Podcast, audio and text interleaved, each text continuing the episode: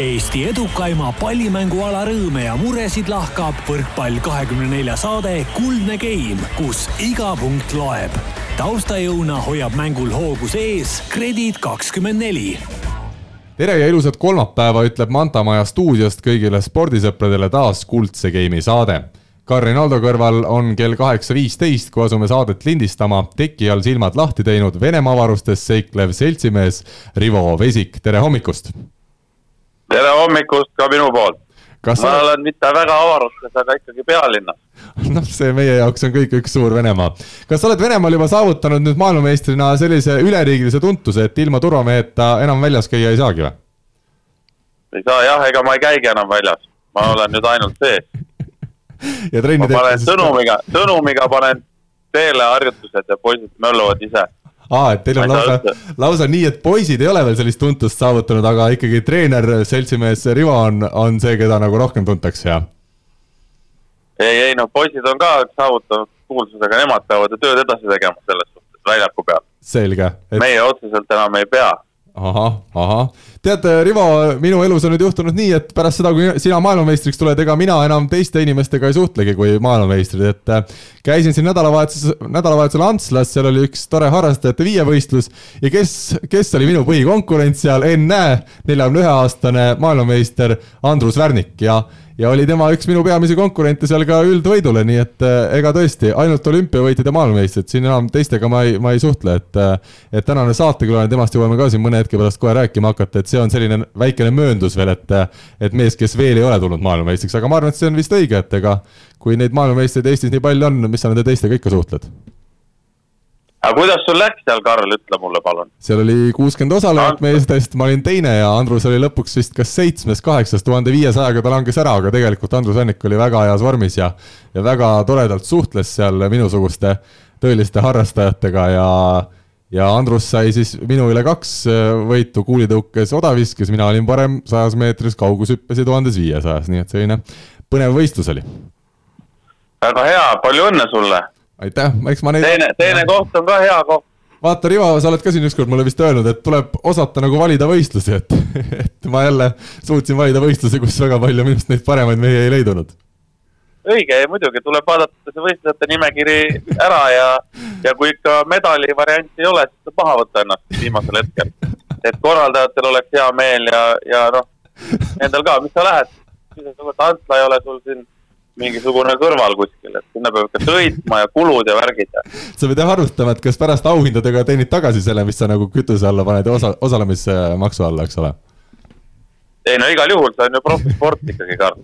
väga õige. aga nüüd siis tänase saatekülalise juurde. Eestis on um, umbkaudu kaks tuhat viissada järve, neist tuntuim loomulikult kahe tuhande kuuesaja ruutkilomeetri suurune Peipsi järv. kõige parem tuntuse ja pindala suhe on Eesti järvedest aga ilmselgelt Tartu Bigbanki sidemängijal umbes ühe ruutmeetri suurusel Ronald Järvel. tere tulemast stuudiosse! tere hommikust! No kuidas sellise sissejuhatusega oled sa, oled seda järve, järvemaailmas nagu väga kodune või, või on see ainult nimi, mis sind järvega seob? oi, pigem ikka nimi jah, et äh, neid järvesid jah, nagu sa ütlesid, on Eestis päris palju, et.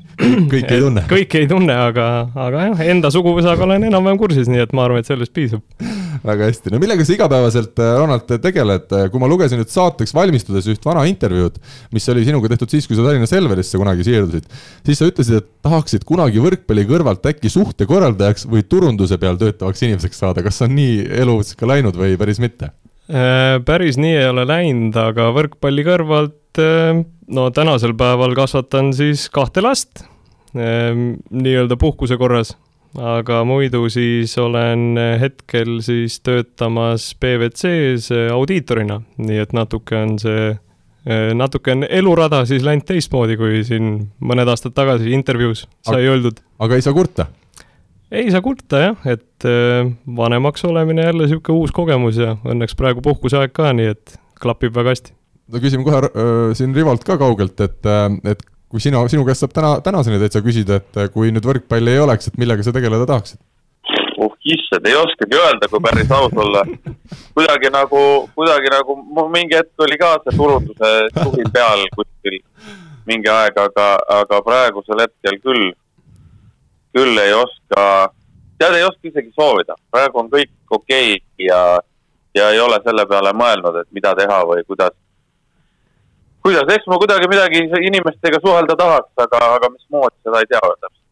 kõrtsmik oleks tore olla, seal saab palju informatsiooni teada alati väga hästi. ma olen aru saanud, et Rivo on meil ikka influencer, nii et võib-olla siis peab ikka sealt nagu edasi minema selle rajaga, et Väga mis on juba märkus. sisse, sisse tallatud nii-öelda. Nojah, nojah, aga seda tead ei teagi, kas see tänapäeval ikkagi, vist on ikka tänapäeval juba töö jah, et ei ole. muidugi, see on ikka täiskohaga töö, see on hommikust õhtuni, õhtust hommikuni minu arust käib see värk. sa kogu elust, sa pead ju. nojah bikiinipilte peab ju kogu aeg panema. ei no ongi, sa ei, sa ei saa ju jääda nii-öelda rongist maha, sa pead kogu aeg olema lainel kõik, mis elus teed, see läheb avalikkusele. võib-olla sellepärast ma veel ei olegi vairaliks läinud, et ma, ma pidevalt ei tee kui me, Ronald, sinust räägime, sa ütlesid, et siin on laste kasvatamisega viimasel ajal olnud tegu, kaksikud siis sündisid sinu perre, ma saan aru, aprillikuus vist umbes? jah, kuusteist aprill oli see päev, kui siis pere sai nii-öelda täiendust, et. kas see oli päev, kui oma elu sai sisuliselt läbi või?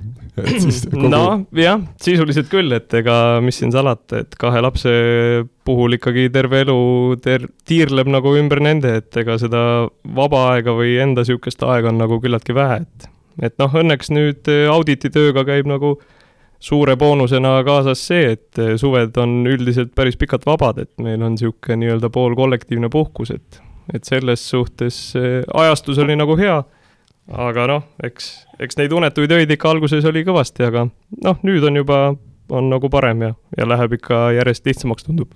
kas kaks last, see on ikkagi väga keeruline võrreldes sellega, kui oleks üks tulnud? No ma arvan küll, et kõik lapsevanemad, kes meid siin kuulavad, et äh, need teavad, millest ma räägin ja noh, korrutage kahega, et väga lihtne mis, äh, mis laste nimed on? laste nimedeks said Jakob ja Hendrik Järv no teeme selle vana nalja siis ka ära küsimuse näol, et kas Eesti tulevik äh, sidemängijate osas on nüüd siis kindlustatud no ma loodan, et ma ei ole see lapsevanem, kes oma nii-öelda teostamatu unistusi nagu laste peale hakkab välja elama, et äh, vaatame, mis poistel endal huvid on ja, ja siis lähme nagu edasi, et ei hakka küll praegu siin midagi nagu... millal siis, millal siis trenni paned lapsed, no noh, küsitakse kogu aeg, millal siis võrkpalli mängima hakkavad? No ei tea veel, et praegu on meil kolmas kuu siin käimas, et, et võrkpalli vist üldse siin. ei, siin ma arvan, juba pandi jalgpallitrenni, kui juba seal kuskil visati pilk peale ja, ja. lasteaiakohaga kaasnes kohe jalgpallitrenni kutse, nii et ei teagi, vaatame. et mingeid lolle mõtteid ei tuleks. jah, mingit võrkpalli või mida iganes, et ja. kohe jalkasse ära. jah no seoses sellega, et sa tegelikult ju oled nüüd lapsevanem ja, ja teed ka tõsist tööd ähm,, oli ka küsimus siin, kas teed hoopis võrkpallis hoop-, vaheaasta äkki, aga, aga lõpuks läks kõik nii vist õnnelikult, et oma praeguses elukohas Tartus äh, leidsid omale täiesti mõnusa mängukoha. Jah, et ega see valik oli täitsa õhus ja, ja kuna natuke neid kohustusi tõesti hakkas siin tekkima palju, et siis äh, aga õnneks Tartu meeskond nii palju on nagu vastu tulnud tingimustes, et eh, saab nagu ühendada siis neid kolme asju, et eks see muidugi niisugune päris põnev hooaeg jälle tuleb, et eh, et nagu ma kuskil intervjuus ütlesin ka, et tahakski see aasta nagu ellu jääda, et siis saab jälle edasi vaadata, et mis, mis saama hakkab aga läheme nüüd kakskümmend aastat äh, sinu elust tagasi ja tuleme nendesse kuulsatesse tuhande üheksasaja üheksakümnendatesse aastatesse, millest Rivo väga paljud äh, ilmselt ei mäleta teatud põhjustel. aga kuivõrd palju sina sellest lapsepõlvest äh, mäletad, millal sa võrkpalli juurde jõudsid ja palju sul teisi hobisid tol ajal oli? ma jõudsin võrkpalli juurde kuskil seitsmeaastaselt ja minu isa mängis harrastaja tasemel, mängib siiamaani võrkpalli ja kuidagi sattusin temaga kaasa trenni, toona oli trenn veel siis äh, Rakveres niisuguses äh, legendaarses saalis, mis oli kirik vanasti. ja ma arvan, et Rivo võib-olla isegi teab seda saali.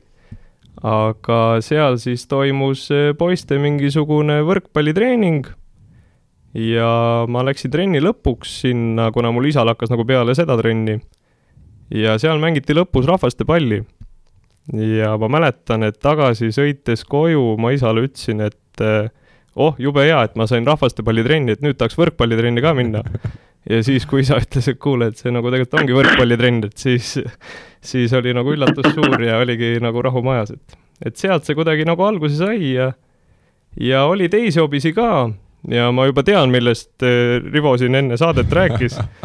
eks see tuleb ka varsti, aga ma siis võib-olla praegu veel ette ei ütle, et mis see teine hobi oli, aga, aga ühe hobiga tegelesin päris äh, kõvasti ka paralleelselt, ütleme seal mingisugune no kaks-kolm, kolm aastat äkki, et. Äh, mul eks, põnevus juba on, juba kasvab pärast, kõvasti. pärast aga... selgub siis saate käigus no nii, Rivo, aga sina seda kirikus käimist vist mäletad küll hästi, et, et Rakvere ikka, kui mindi, siis ikka kirikusse ja, ja ikka jah, et meil on see ennem ka saates. on, mul ka tuleb meelde juba jah kus kuulus kirikusaal, kus äh, ikkagi mõnikord pidi löögile minema nii, et pidi ümber kiriku seal mingisuguse posti jooksma, et saada pallile pihta, et äh, et meil ka, et no noorest, noorest põlvest päris paljud võistlused olid seal. sest Rakveres vist oli see metsakombinaadi või metsamajandisaal ja siis see kirik oli ja ega muud väga ei olnud, onju. Mhm aga legendaarne koht on ta küll ja, ja kõik, kes vähegi, ma arvan, Rakveres äh, võrkpalli mänginud on, on oma, oma jala sinna korra sisse tõstnud, et. kas äh, Mati Mere-? tore on, tore on, et mäletatakse kusjuures selliseid kohti. kas Mati Merirand oli sinu esimene treener või, või kelle käe all sina alustasid?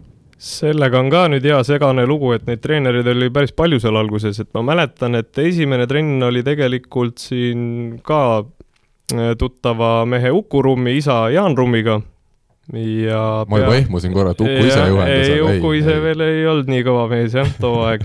aga Jaan Rummi oli esimene treener, kelle juurde ma nagu trenni läksin, aga siis ma mäletan, et eh, kas ma olin vist piisavalt noor, et mind pandi nooremasse gruppi ja siis sai minu treeneriks eh, hiljuti sünnipäeva tähistanud Mariani, kes on siis tuntud tennisisti Maretani ema ja sealt nagu see sihuke võrkpallitee sai alguse, et ja Mati Meriranna käe alla sattusin ma kuskil seal äkki C-klassis või niimoodi, et seal kuidagi oli jah, see rada nagu ette ära jaotatud treenerite vahel.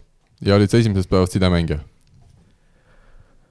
No seal miniklassis vist tuli nagunii kõike mängida, et äh, ma mäletan, C-klassis ma veel ikka olin mingit sorti, no siis mängiti kahe sidega toona ja siis me seal, oli üks niisugune legendaarne mees nagu Hardi Talv, kellega me siis seal kahekesi mängisime nii-öelda omavahel, et teised olid seal toetamas nii-öelda, aga, aga üldiselt küll, et ega see sidemängija roll, noh, füüsiliste eelduste põhjal nagu tuli, ma arvan, suht kiirelt, et, et liberoks, liberoks mind vist noorteklassis isegi korra noortekoondises või, või kuidagi kuskil seal, aga niimoodi Rakvere all nagu pole liberot mänginud.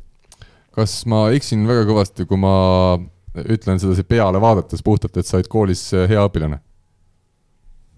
neljad-viied, maksud mhm. maha. no meil, meil Rivoga olid need väiksemad numbrid olid seal kamba peale, ma arvan, ainult oli, oli Rivo vist nii, eks ole? jaa. väga hea, tuli kinnitus, lähme edasi. oli küll. konkreetne vastus aga ma, ma panin käibeka juurde kogu aeg, oli okei okay.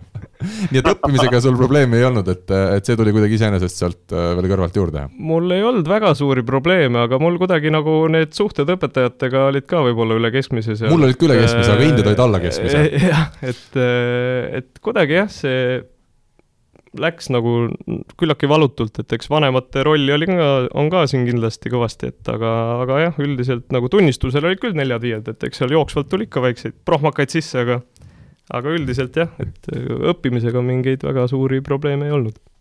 Äh, kui sidemängija rollist veel rääkida, kui äh, kui raske oli saada sidemängijaks noorena, mäletad seda, kas see tuli kõik kuidagi lihtsalt ja loomulikult või oli selliseid raskeid hetki ka, ma ei tea siis, kas äh, vaimse poole pealt, äh, tehnilise, tehniliste nüansside juures äh, midagi sellist? ma ei mäleta küll, et oleks midagi nüüd niisuguseid raskeid asju olnud, et pigem see oli teema selles, et ma kogu aeg mängisin endast vanematega, ma mäletan. et et kuna meil ka seal neid harrastajaid vist nii palju ei olnud toona või siis ma olin Mati Meriranna arvates nagu niivõrd andekas, et, et võiks mängida nii-öelda vanematega, et siis ma mäletan, et isegi kolm aastat vanematega ma olen käinud nagu turniiridel kaasas, et kus oli ka nagu sidemängija puudusi, et et seda ma mäletan, aga jah, niisugust jah, väga raskeid momente nagu ei olnud, et juhu ma seal siis ainuke sidemängija kuidagi toona sattusin olema kes sind äh, aga jaa? oota, aga ma küsin korra vahele, Ronni, kas teil äh, noorteklassis tehti ka nagu spetsiaalseid trenne näiteks sidemängijale kui sinule. et kui palju õpetati, kui palju nagu selles suhtes suunati või oli ikkagi see asi, et äh, sina oled side, sina tõstad ja pall peab olema seal ja kogu mood?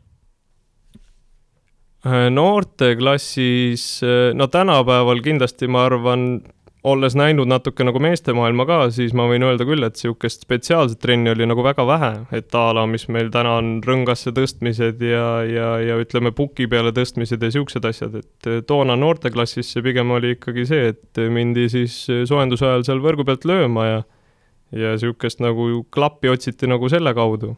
et niisugust spetsiaalset treeningut nagu oli, oli kindlasti vähem ja, ja ega jah, suht alguses nagu pandi paika, et kes mida mängib ja, ja siis klapitati seda koostööd seal. aga oled sa ise mõelnud seda, et kui seda trenni oleks teinud spetsiifilisemalt, nii nagu tänapäeval seda tehakse, et see tulemus või ütleme, sinu mängijakarjäär oleks nüüd hoopis säravam, mulle mulle endale vist tundub, et ega, ega kokkuvõttes sa oleksid selline mängija, nagu sa täna oleksid ilmselt suhteliselt äh, igal juhul või?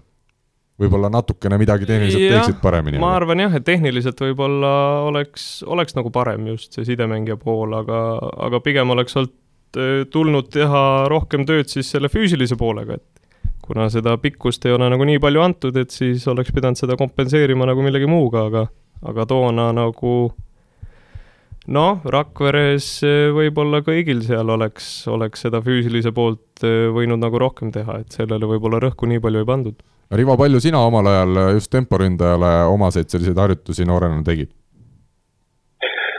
kusjuures, äh, kusjuures mina olen mingi hetk mänginud samamoodi sidemängijat. side olnud mingisugune aeg kuskil B-klassis mingi, mingi, mingi, mingil põhjusel. meil vist Pärnus oli see situatsioon, kus meil ei olnud äh, kus meil ei olnud nagu konkreetset sidet ja siis me mängisime isegi B-klassi veel mingi hetk kahe sidega puhtalt sellepärast, et, et noh, ei olnud väga head sidemängijad.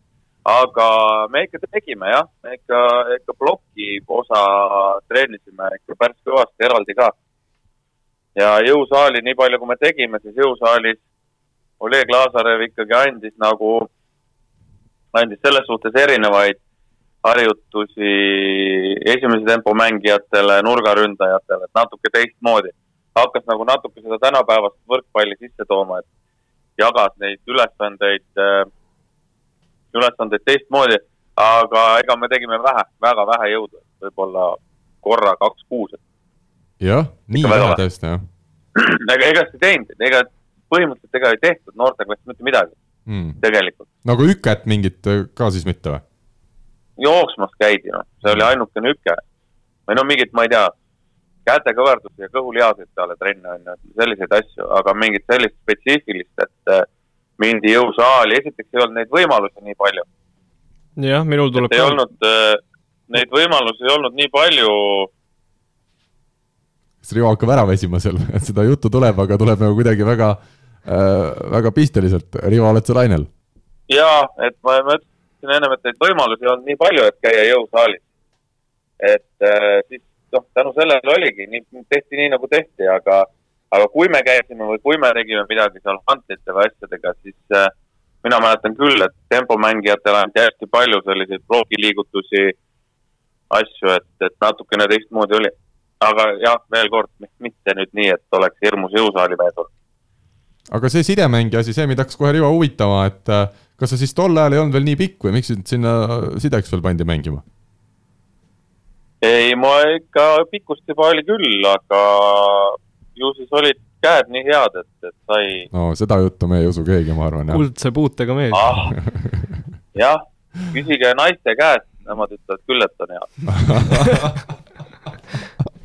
väga hea, aga Ronald, sinu üks selliseid, ma usun, karjääri tipphetki tänase päevani võib öelda, et oli juunioride maailmameistrivõistluste finaalturniir kaks tuhat kolmteist, Rene Teppan, Robert Täht, Andri Aganits veel, äh, mõned tuntud nimed meie jaoks selles koondis mängisid.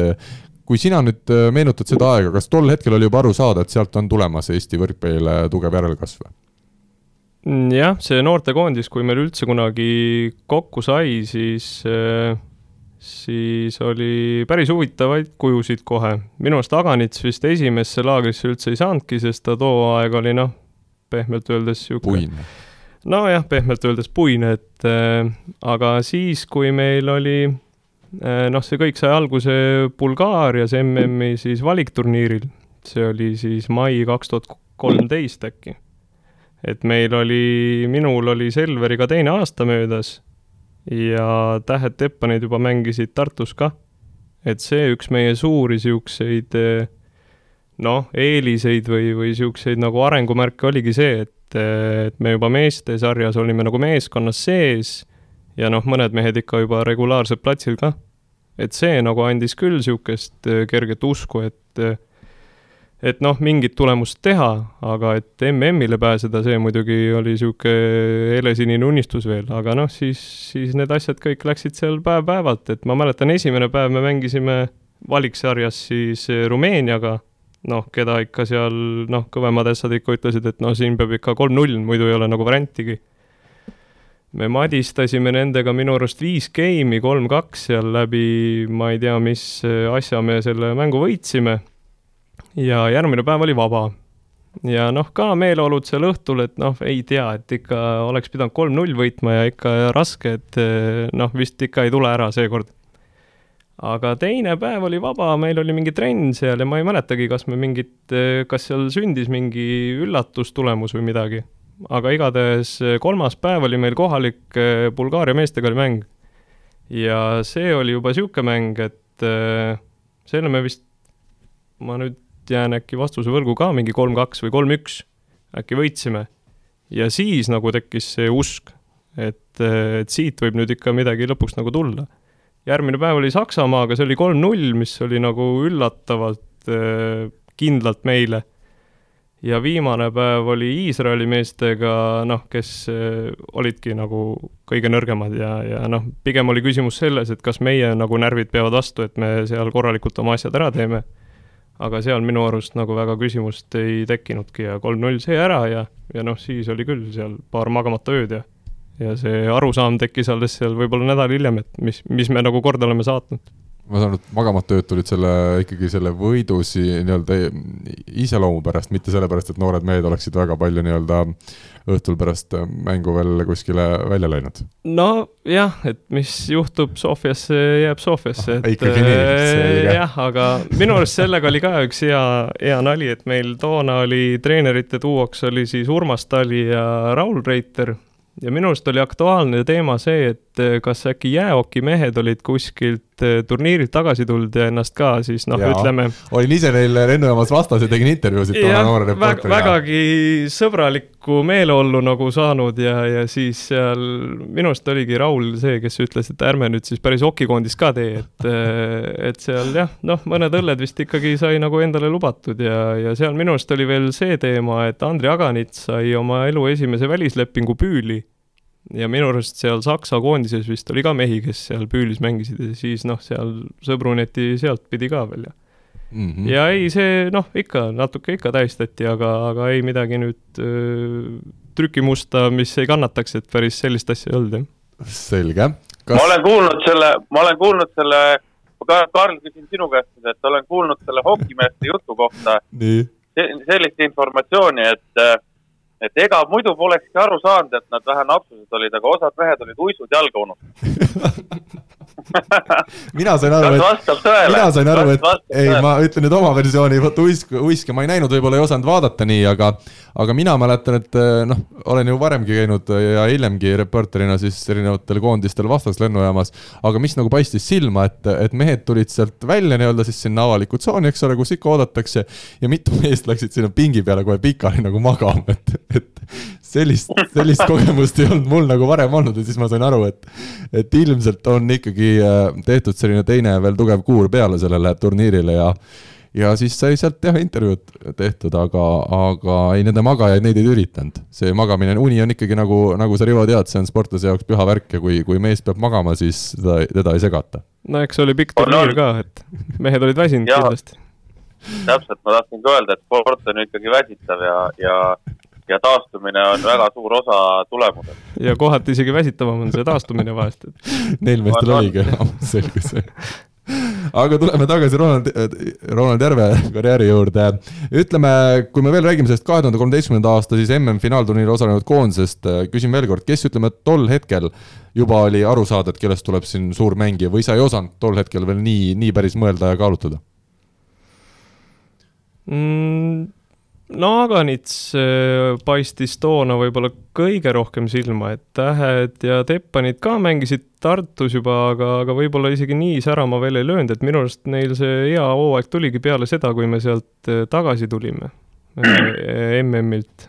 aga Aganits sai kohe omale välislepingu püüli ja noh, seda oli näha ka, et ta oli ikkagi plokis võimas ja noh, ikkagi niisugune korralik tempomees tähe kohta jah, et äh, too turniir võib-olla veel ei olnud see, aga, aga noh, jah, kohe-kohe nagu peale seda oli avanemas.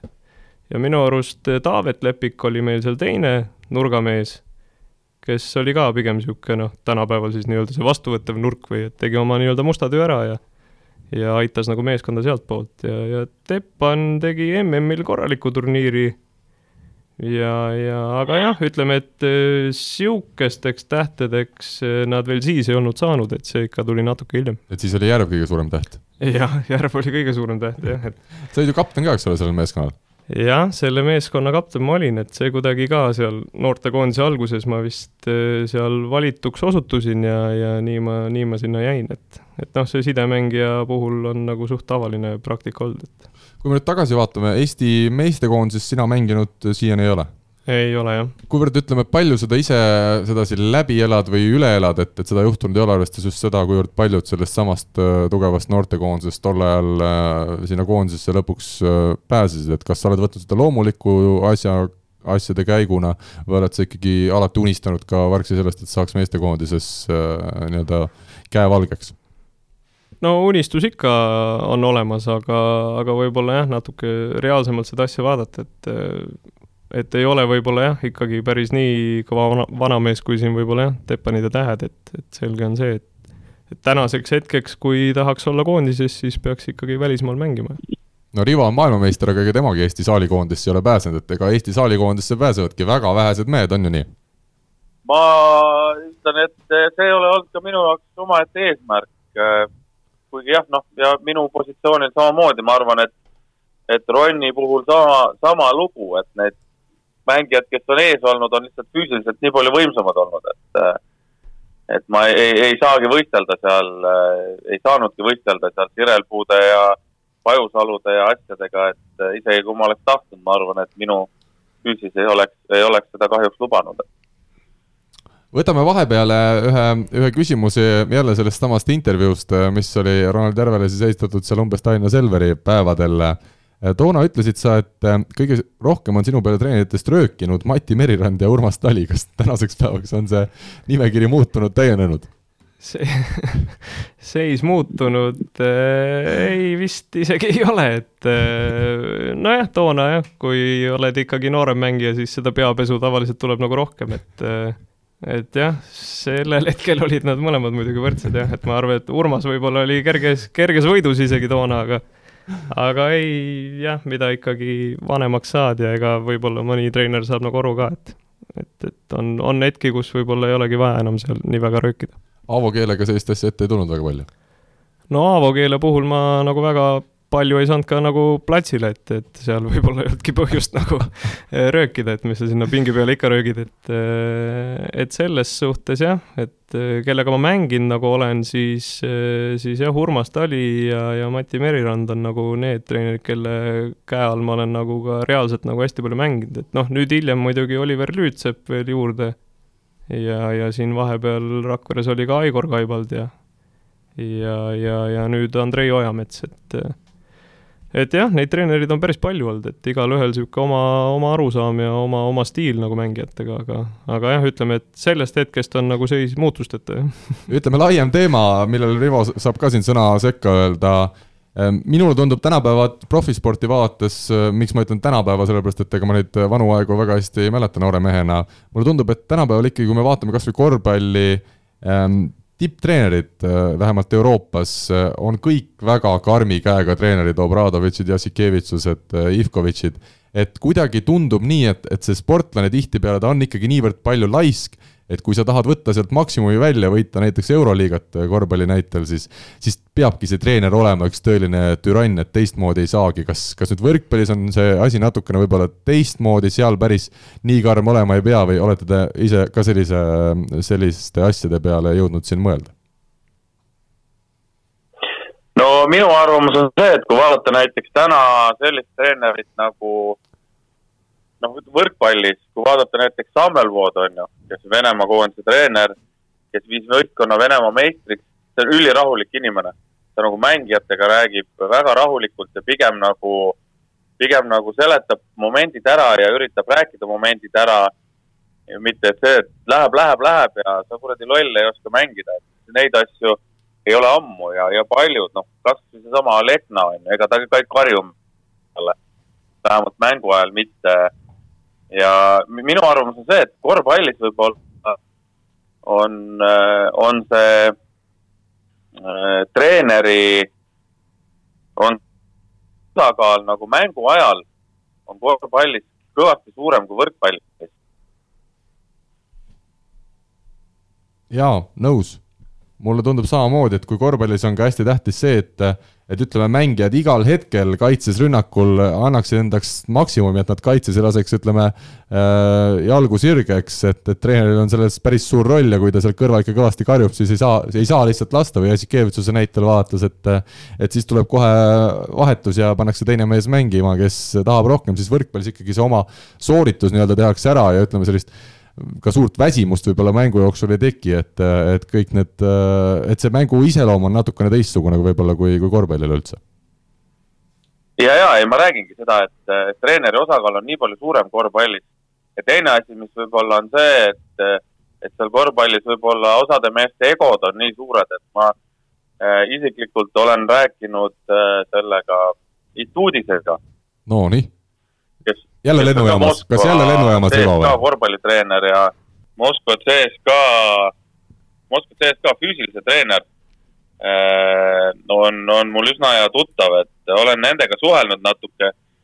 ja, ja Etuudis ütles nii, et tema peab olema vahepeal karm, sest tal on meeskonnas nii suured egod, et kui ta laseks nagu natuke lõdvemaks, siis need mehed ei teeks mitte midagi, nad ei kuulaks, nad ei alluks ja nendega oleks üliraske nagu koostööd teha et ta peab hoidma ühte stiili, ta peab olema ühesugune, muidu ta lihtsalt ei saaks oma meestega hakkama. täitsa nõus, Ronald, oled sa ka midagi sarnast mõelnud ja, ja, ja nõustud äh, Rivo mõttejõuga?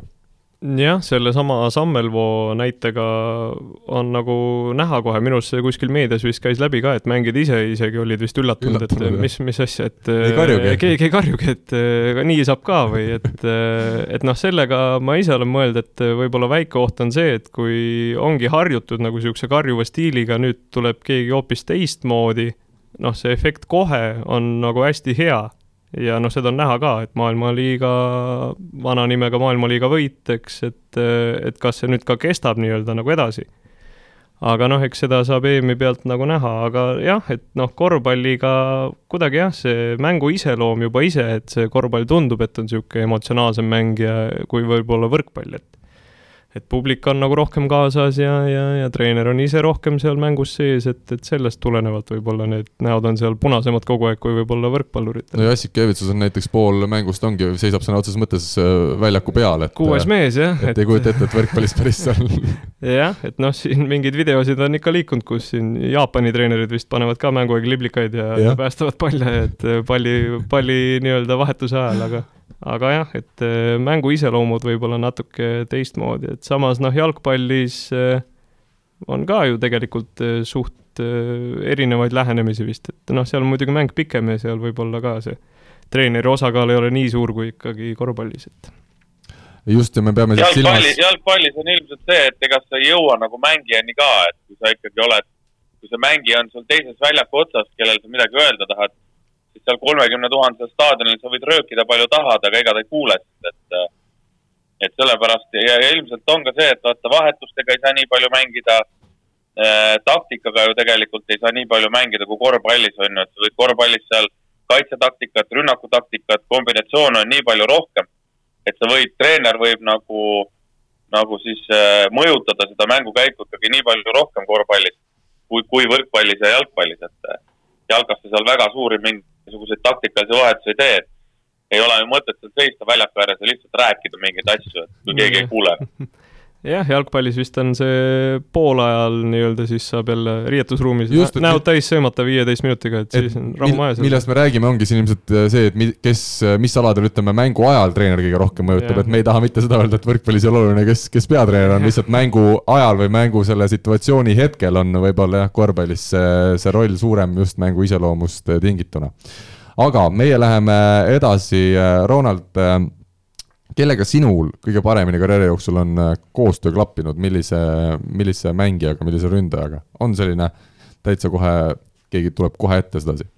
mm, no viimastel aastatel ikkagi Meelis Kivisild tuleb Aa. nagu kohe, kohe silme ette, et jah, see seal üks aurik tuleb Viljandist. üks aurik tuleb Viljandist jah, et seal juba, ma ei tea, trennis või keegi kuskil seal juba pani ka mingisuguse killu maha, et me oleme nagu Eesti Baranovskis ja Vilmanis, et eh, tuntud Läti sihuke duo, et. see pole küll kõige parem tunnustus jah, võib-olla. aga et sihuke klapi koha pealt, ütleme siis niipidi, et, et noh, füüsilised eh, väljanägemised võib-olla ka isegi küllaltki sarnased, et, et selles suhtes jah, Meelisega kuidagi endalegi ootamatult, sest ma olin ju temaga mänginud ka Selveri aegadel koos ja tollest hetkest nagu see nii hea ei olnud, et noh, eks siis võib-olla ise arenenud ja, ja, ja, ja nüüd nagu Tartu päevilt on küll jah, et seal nagu ei tekkinud väga mingeid siukseid noh, ütleme siis raskusi. aga uuel hooajal, kas Meelisega saad üldse? Ei tea vist veel või? ei tea veel jah, et see on vist siin klubijuhtide ja Meelise mul tundub, et see on, küsimus Ronald, see on just pigem sinu küsimus, et sina küsimus, selle asja nüüd ära ajaks. personaalne küsimus, nojah, et äh, siin Siim Ennemuist vist juba on loobumas, et siin tuleb meelitada natuke teistmoodi, et tuleb ikkagi öelda, et kui sa Ennemuistist tahad kõvem mees olema, et siis sa pead ikkagi ühe aasta veel vastu pidama, et aga noh, eks ole näha. tervitame siis äh, Meelis Kivisilda siin Folgiel äh, raadiostuudiost ka. aga kes aga mul, mul on küsimus, mul küsimus, Ronni, mis sa arvad, kas, kas äh, võib olla kuidagi, ma ei ole kusjuures kunagi sellise asja peale mõelnud, et kas võib olla kuidagi äh, seotud see nagu Meeliste pikkuse ja sinu pikkusega, et teil klapib hästi? et see pole nagu, noh, Meelis pole kõige pikem temporündaja, on ju, sina pole kõige pikem side. et kas see võib olla see, et, äh, et noh, sinul igal juhul näiteks Mart Naabril on, on ju raskem tõsta sest sa pead tõstma kõrgemale, see võtab aega, nii edasi, nii edasi, nii edasi. et kas see võib olla, no lihtsalt täiesti, täiesti suvalise koha pealt tuli praegu selline mõte? ma pole isegi nii mõelnud, et see nagu pikkustest on, et see pigem kuidagi see sihuke, ega mul tempodega nagu otseselt pole kunagi nagu väga muret olnud, et, et see klapp sinul ei ole kunagi olnud jah Jah, seda on näha ka.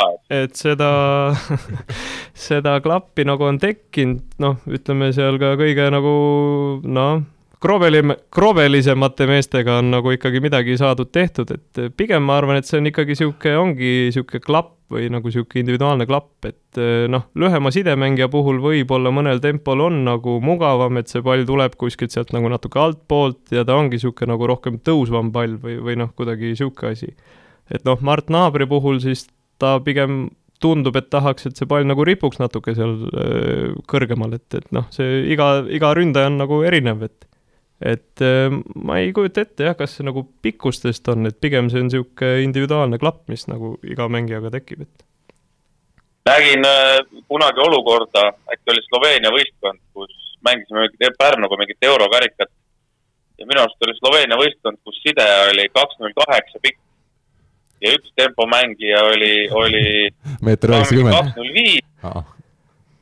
Umbes kaks null viis oli üks mäng tempo ja teine oli sihuke kahemeetrine, siis sellele kaks null viis tempomängijale tõstis äh, sidemängija normaalselt see kahemeetrise tõstis ülevalt alla. tuli koos palliga alla ja siis lasi, lasi tuli, ei lahti no lasi niimoodi randme liigutusele, mitte üles, vaid läks natuke alla. jah, noh jah, et kõrgelt ja pani sealt nagu käe alla talle. et ma tean, et äh, Tartus ju mängis ka Robert Viiber, kes on ka meil siin ikkagi üle keskmise sidemängija ja, ja ega seal ka väga palju puudu ei jäänud, et, et seal äh, ma ei mäletagi toona, kas Kevin Sooga või kellegiga juba tehti seal nalja, et, et Viiber peab koos palliga alla tulema ja siis selle lihtsalt lahti laskma, et et jah, et jah, siukseid, siukseid variante on ka, aga noh, mul seda muret õnneks veel ei ole. see peab olema eriline tempo nüüd hea küll, kus sul see mure tekiks aga kes on üleüldiselt parim mängija, kellega sa koos oled mänginud, kui nüüd mitte isiklikku lappi arvestades, vaid, vaid sellist üldist mängutaset arvestades?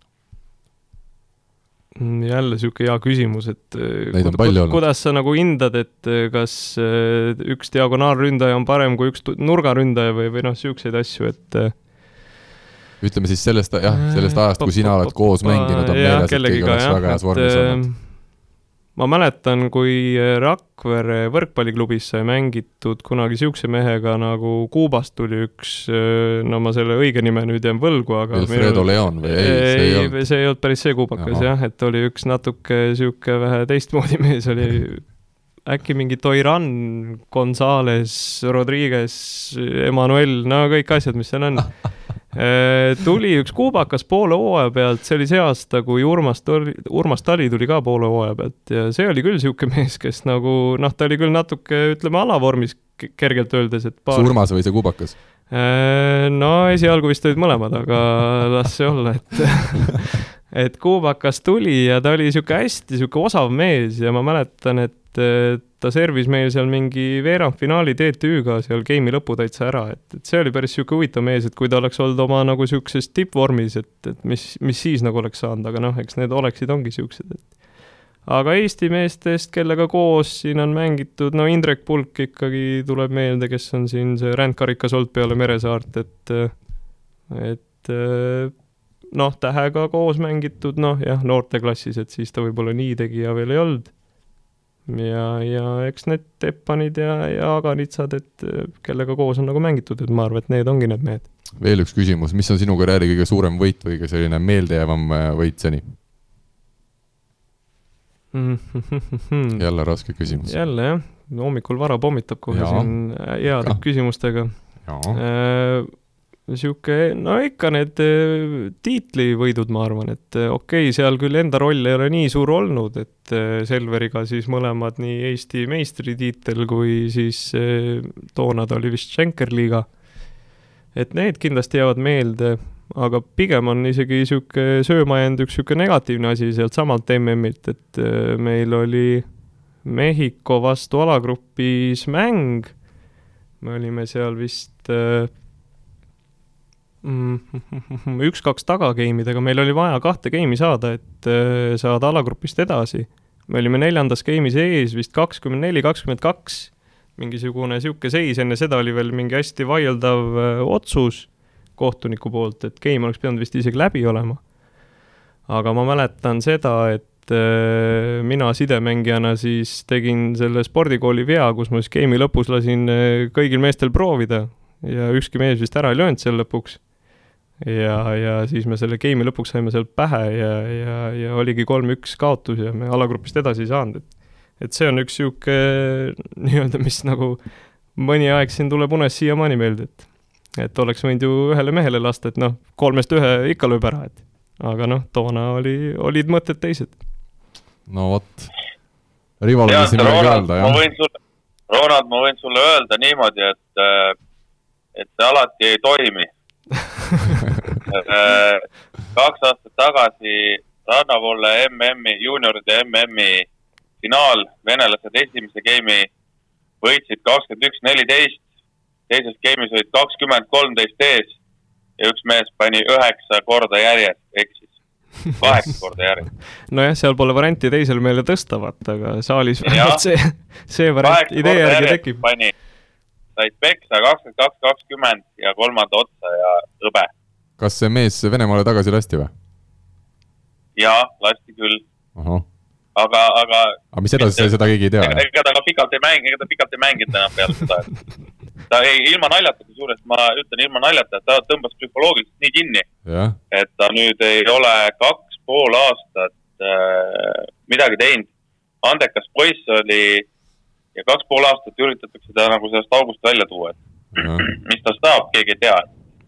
aga tuleme nüüd rubriigi juurde, juhtumised, täiesti juhuslikult. No nii, no nii, Ivo sattus täiesti juhuslikult äh, eelmine nädalavahetus Tartusse no nii, ja maitseelamuste tenniseturniirile, kus ma täiesti juhuslikult kohtasin ka loomulikult Rait Rikbergi, Kevin Sood äh,, Alar Rikbergi ja ka Ronnit, nii, täiesti juhuslikult. ja küsikski nüüd Ronni käest, ma tean, et sa said seal kolm medalit, kuidas sul läks? mul läks väga hästi, ma sain kõikides mängudes sain hõbeda, nii et äh, jah, täitsin eesmärgi ära. ja see ongi siis see, Karl, mis sind väga huvitas, Ronni salajane hopp et ma olen tund tund aega praegu oodanud seda ja siis see on, see ongi see kogu värk ja. jah. Ja suurepärane, see oli, see oli suurepärane vaatepilt ja saavutus. ahah, mina ikka mõtlen, et kui teiseks, teiseks jäädakse, et äh, teist kohta ei võideta ju. no jah, kahjuks oli, kahjuks see ei olnud see mitte turniiri teine koht, vaid kõikides mängudes teine koht. aa, selge, noh, siis on jälle aru, siis on, siis tasus oodata seda tundi praegu, et äh, tasus, muidugi, tasus. mis mängud need olid siis, need kolm mängu? Äh, see oli jah, siis maitseelamuste tenniseturniir, noh, ta on niisugune siis ütleme noh, võrkpallis, kui me siin räägime harrastajate turniirist, siis ütleme niisugune Tammula vanake või, või noh, niisugune, et siis tennise mõistes ütleme samasugune turniir. selge, ja, ja jah, tõepoolest õnnestus siis seal nagu osa võtta. aga jah, need mängud nii hästi võib-olla ei õnnestunud, kui oleks ise tahtnud. eks see tennisega on ka see teema, et äh, ma olen teda mänginud äh, küll, aga mul on kogu aeg mingid siuksed pikad pausid vahele jäänud. ja, ja ega ta ei ole ka päris nii, et äh, aasta aega ei mängi ja siis nüüd lähed mängima ja mõtled, et, et ongi lihtne, kuigi mäng peaks sobima sulle küll, sest võrk on madalamal ju. Võrk on madalamad, enamus liigutusi isegi võib-olla on samasugused, aga, aga jah, et eh, eks see tahab ikkagi harjutamist saada, et no kui sa ütled, enamus liigutused on samasugused, siis on juba aru saada, miks sa kaotasid seal oli reket ka vahel, ma loodan, et sa selle ikka et sidemängija puhul ei ole enamus liigutusi samad, aga ründajatel nagu oleks, oleks lihtsam.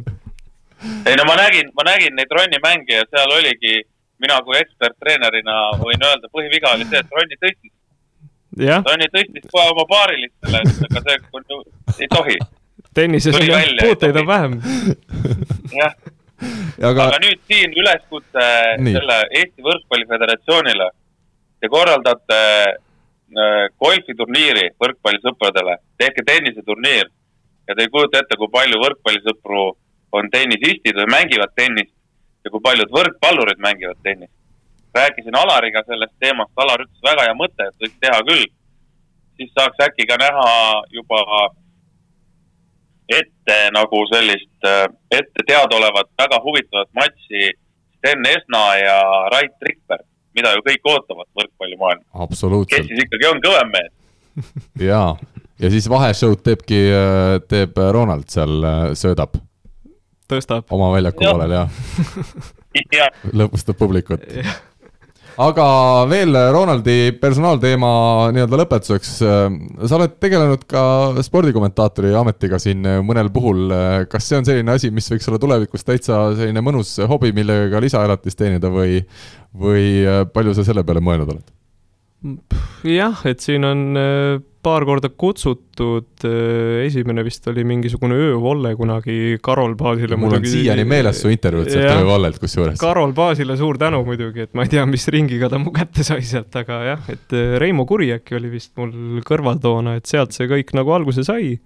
ja on paar koondise mängu ja, ja nüüd siin see aasta oli see Final Four, et äh, et jah, juhu siis nagu jutt nii palju jookseb ja, ja tegelikult ma olen nagu mõelnud küll, et miks mitte, et sihuke huvitav hobi, et eh, noh, kui enam mängida ei jaksa, et siis ikka ju minnakse platsi kõrvale mölisema, et kas siis treeneriks või, või meediasse, et, et noh, siis on teada, et vähemalt kuhu, kuhugi on nagu minna. ja ütlen päris ausalt, et Ronald Järv on olnud saate algusaegadest peale ka üks peamisi kandidaate siin saatejuhti, saatejuhi kohale, aga siiani pole veel õnnestunud, eks see, eks elukoht natukene mängib meile nagu mäkkra siiamaani vist jah.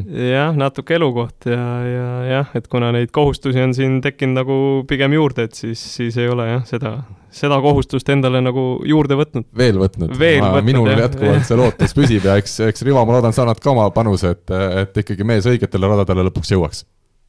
kindlasti, kindlasti, Ronni kommentaare on, on väga muhe kuulata selles suhtes, et mees teab ikkagi, millest ta räägib ja, ja paneb sellist peenet huumorit ka juurde, et ei ole ainult äh, ja, ja vastuvõtt Robert Täht, tõste Gert Toobal ja Stefan lööb palli maha piki diagonaali. seda näevad kõik, onju. et äh, Ronni oskab nagu rääkida asja, noh, kasvõi sellesama üks, kaks, kolm situatsiooni natukene põnevamaks ja väike huumor juurde ja väga muhe kuulamine. Aga nüüd saate esimene osa on saanud läbi, Ronald Järv tõstab palli üles ja läheme küsimusmängu juurde.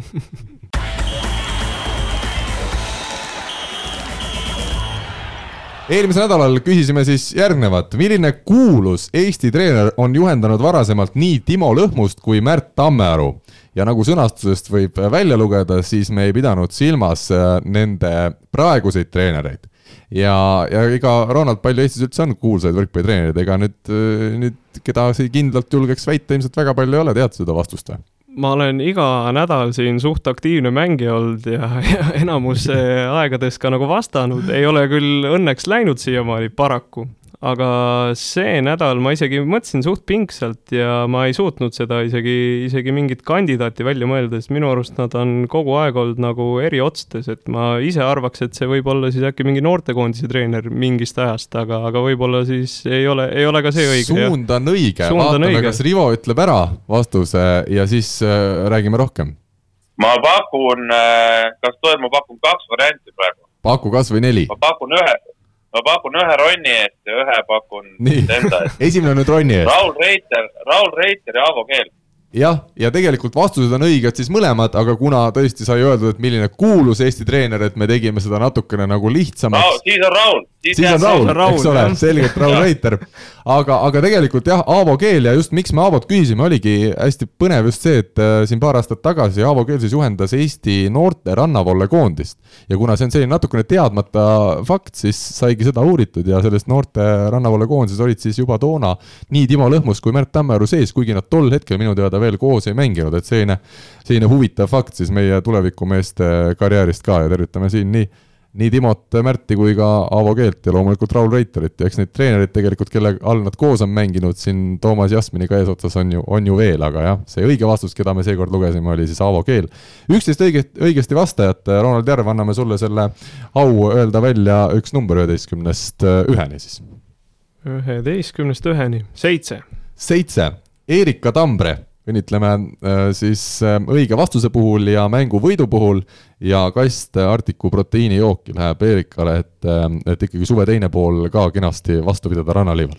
Ja uue nädala küsimus on siis väga lihtne, küsime, mitmenda koha sai Eesti juunioride koondis juunioride maailmameistrivõistlustel kahe tuhande kolmeteistkümnendal aastal, kõik kohad mängiti välja, nagu Ronald, ma sinu jutust aru sain, siis isegi viimane mäng vist selliste suurte võrkpalliriikide nagu Ugandade ja teiste vastu oli seal kuskil kell üheksa hommikul, jah? kas ta oli nüüd Uganda või Rwanda, aga, aga jah, enam-vähem suured võrkpalliriigid seal olid ja, ja see koht mängiti välja ja, ja jah, nii et palume siis kõigil teadjatel kas siis otsida või vastata. jah, ja kõik vastused saab saata siis äh, kas äh, Ronald Järve isiklikule kontole või siis äh, info, et võrkpall kakskümmend neli punkt ee või võrkpall kahekümne nelja Facebooki lehe sõnumitesse, nii et ootame ja läheme edasi teemade juurde.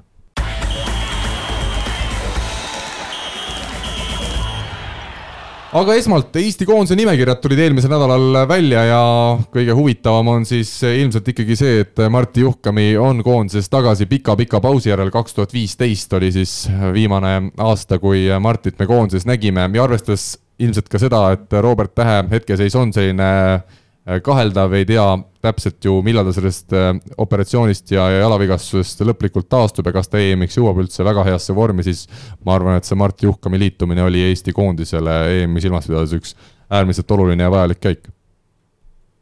jah, kindlasti, et eh, noh, kahju, et ka Pupart nagu, ma sain aru, et kutse esitati, aga, aga Keit vist ise nagu oli seekord loobunud, et noh, siin räägitakse ju, et eh, on ajalooline võimalus teha mingisugune tulemus. Et pikk turniir, alagrupis juba viis mängu, et eh, noh, seal on igat meest on nagu hädasti vaja ja, ja see, et Juhkami nüüd sinna sisse arvati, et noh, see minu silmis on see kogu aeg nii pidanud olema, aga noh, nüüd õnneks siis on sõjakirved nii-öelda maha maetud ja, ja noh, tõesti kahju, et et tegelikult üks nurgamees on ju meil veel, et aga jah, et tema siis loobus, aga jah, igal juhul tervitatav ja noh, see pikk turniir, seal läheb neid mehi vaja Rivo, mida Martti Juhkam annab Eesti koondisele tänasel päeval juurde? no kindlasti, kindlasti kogemusi ja, ja ma arvan, et servi vastuvõttu kindlust, et äh, muidugi minu jaoks, kui, minu jaoks on kurb see, hakatakse uuesti kutsuma siis, kui, kui on hädasti vaja, et kui me satume kuskile hätta, on ju, et siis vaadatakse uuesti nende meeste poole, kes kunagi on, on välja jäetud, aga hea küll see selleks, et. no tõele au andes, ma Rivo segan sind vahele, et tegelikult ju Martti sai selle kutse juba ütleme seal juunikuu alguses, kui Robil veel seda vigastust või ütleme, seda operatsioonile minekut vähemalt veel teada ei olnud. ei, ma ei räägi sellest aastast, ma räägin nagu eelmistest ah, aastast okay.. sellel aastal, sellel aastal oli seal alagrupi mängudes näha, et ühte nurka on hädasti juurde vaja, et ega see, see ei tulnud ju kellelegi, selles suhtes ei oleks olnud see üllatus kui seal Pupardit ja, ja, ja Martit kutsutakse, on ju. sest seal Euroliiga alagrupi mängudes oli selgelt näha, et nurgaosakond on, on täna nõrk. aga, aga noh, see selleks, oli mis oli. Mart ütles väga õigesti selle kohta, et minevikus ei ole mõtet äh, sobrada. et nüüd tuleb vaadata edasi. noh, võib-olla oleks siis võinud anda ka võimaluse, ma ei tea, kui palju sinna muidugi mahub võistkonda aga võib-olla siis ka Märt Tammearule, kes ennast näitas seal Euroliiga mängudes üsna hästi, aga, aga jälle, need on treeneri otsused, treeneri mõtted. Marti annab juurde kindlasti äh, kogemust, kindlasti enesekindlust võib-olla seal noorematele mängijatele. ja, ja noh, ta on ju ikkagi Euroopa tasemel nurgaründaja, et, et teda on Eestil täna hädasti vaja kusjuures Märdi, Märdi juttu ma mõtlesin ise ka, kui ma vaatasin seda nimekirja, et see oli võib-olla ainus nimi, keda oleks tõesti äh, veel võib-olla juba praegusel aastal, tänavusel aastal tahtnud ka suve teises pooles äh, näha seal EM-koondises, et vaadates tõesti, kui hästi Märt kevadel juba koondisest mängis, siis pole välistatud, et noor mees, kes võib siin poole aastaga veel väga kõvasti areneda, et oleks isegi EM-il meile väga vajalikuks võinud osutuda, aga jah, see on kõik treenerite valikud ja, ja nüüd, mil Juhkam on tagasi, peaks meil ikkagi nurgaründaja positsioonil ka neid valikuid olema omajagu. jaa, kindlasti, et ma, ma arvan, et Robbie Robbie on selline, Robert Täht on selline mees, et, äh, et äh, mis tahes tal seal see vorm on, ma usun, et ta saab vormi, ma usun, et ta mängib. ja, ja ta ei ole selline mees, kes nüüd kerge põlvevaluga hakkab seal midagi tagasi hoidma, et äh, see on nii, nii kõva võitleja ja nii, nii kõva sportlase hingega vend, et ta, ta paneb seal ükskõik mis seisus lõpuni selle kohta ta on ise kunagi öelnud, et ta on nagu Ironman, aga ta praegu on lühises lihtsalt. Aga teine... tuleb ära, tuleb, Robert tuleb ära maandada, juhe taha. Kiirelt. Jah aga teine teema, Dmitri Korotkov ja Mihkel Tanila, meie teine rannavoole duo, kes siis tänavusel suvel professionaalselt tegutses, otsustas suve keskel koostöö lõpetada, oli seal siis natukene seda, et, et mängijad ei leidnud sellist ühist, ühist mõtlemist ja ühist lainet, Rivo, sina oled jälle rannavõrkpalliga natuke rohkem kursis võib-olla kui, kui mina ja Ronald, et, et eks see omavaheline läbisaamine vist rannavõrkpallis ongi üks edu eelduseid ja aluseid, et ega ilma selleta ei saa ja seetõttu ka on, on see, ütleme, koostöö lõpetamise otsus arusaadav, et kui ikka omavahel ei klapi kaks inimest lihtsalt, siis ei olegi, ei olegi ilmselt midagi väga, väga teha.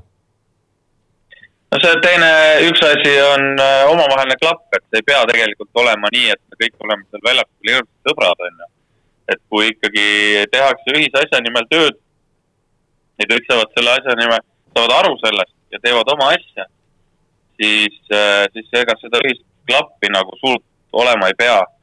aga siia lisab äh, üks asi, et kui on tulemused, siis on seda kordades, kordades lihtsalt taluda. kui tulemusi ei ole ja kui on raske ikkagi nagu mängida ja, ja nii edasi, nii edasi, nii edasi, et iga mäng ükskõik kelle vastu on raske et siis see teeb kindlasti olukorda raskemaks. minu arvamus nende meeste kohta on see, et nad ootasid natukene liiga kiiresti ja liiga palju.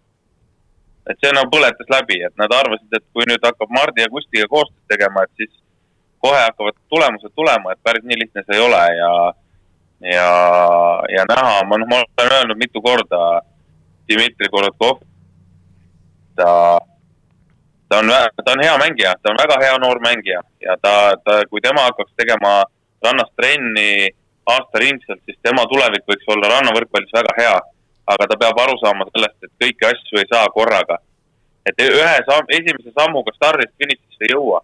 et see on pikk tee ja, ja seda tuleb võtta ikkagi mõistusega, et äh, oli näha, et ta tahab minna liiga kiiresti edasi olukordades, mida ta tegelikult veel ei ole selgeks saanud ja seda, kusjuures ka Mart Tiisar, kellega eile intervjuu tegin, äh, ütles just, et, et see, kui Mart ja Kusti selle nii-öelda teise profipaari lõid sel kevadel äh, oma siis initsiatiivil ja lõid neile nii-öelda ka siis rahalised võimalused, et see suvi kaasa teha ja Eesti koondist olümpiakvalifikatsioonil äh, esindada, et, et siis ka Mart täpselt sedasama, mis sina, Rivo, Rivo ütlesid, et see, et see paar juba loodi, ilmselt tekkis, tekitas neis endis ja kõigis teistes sellise arvamuse, et nüüd peab sealt midagi tulema, et aga, aga päris nii lihtne see ikkagi ei ole ja arvestades veel seda ka, kui vähe nad ju koos on mänginud ja kui vähe nad seda tugevat rannavõrkpallitrenni tegid, siis esimesel aastal mingeid supertulemusi oodata, see olnukski täiesti, täiesti välistatud.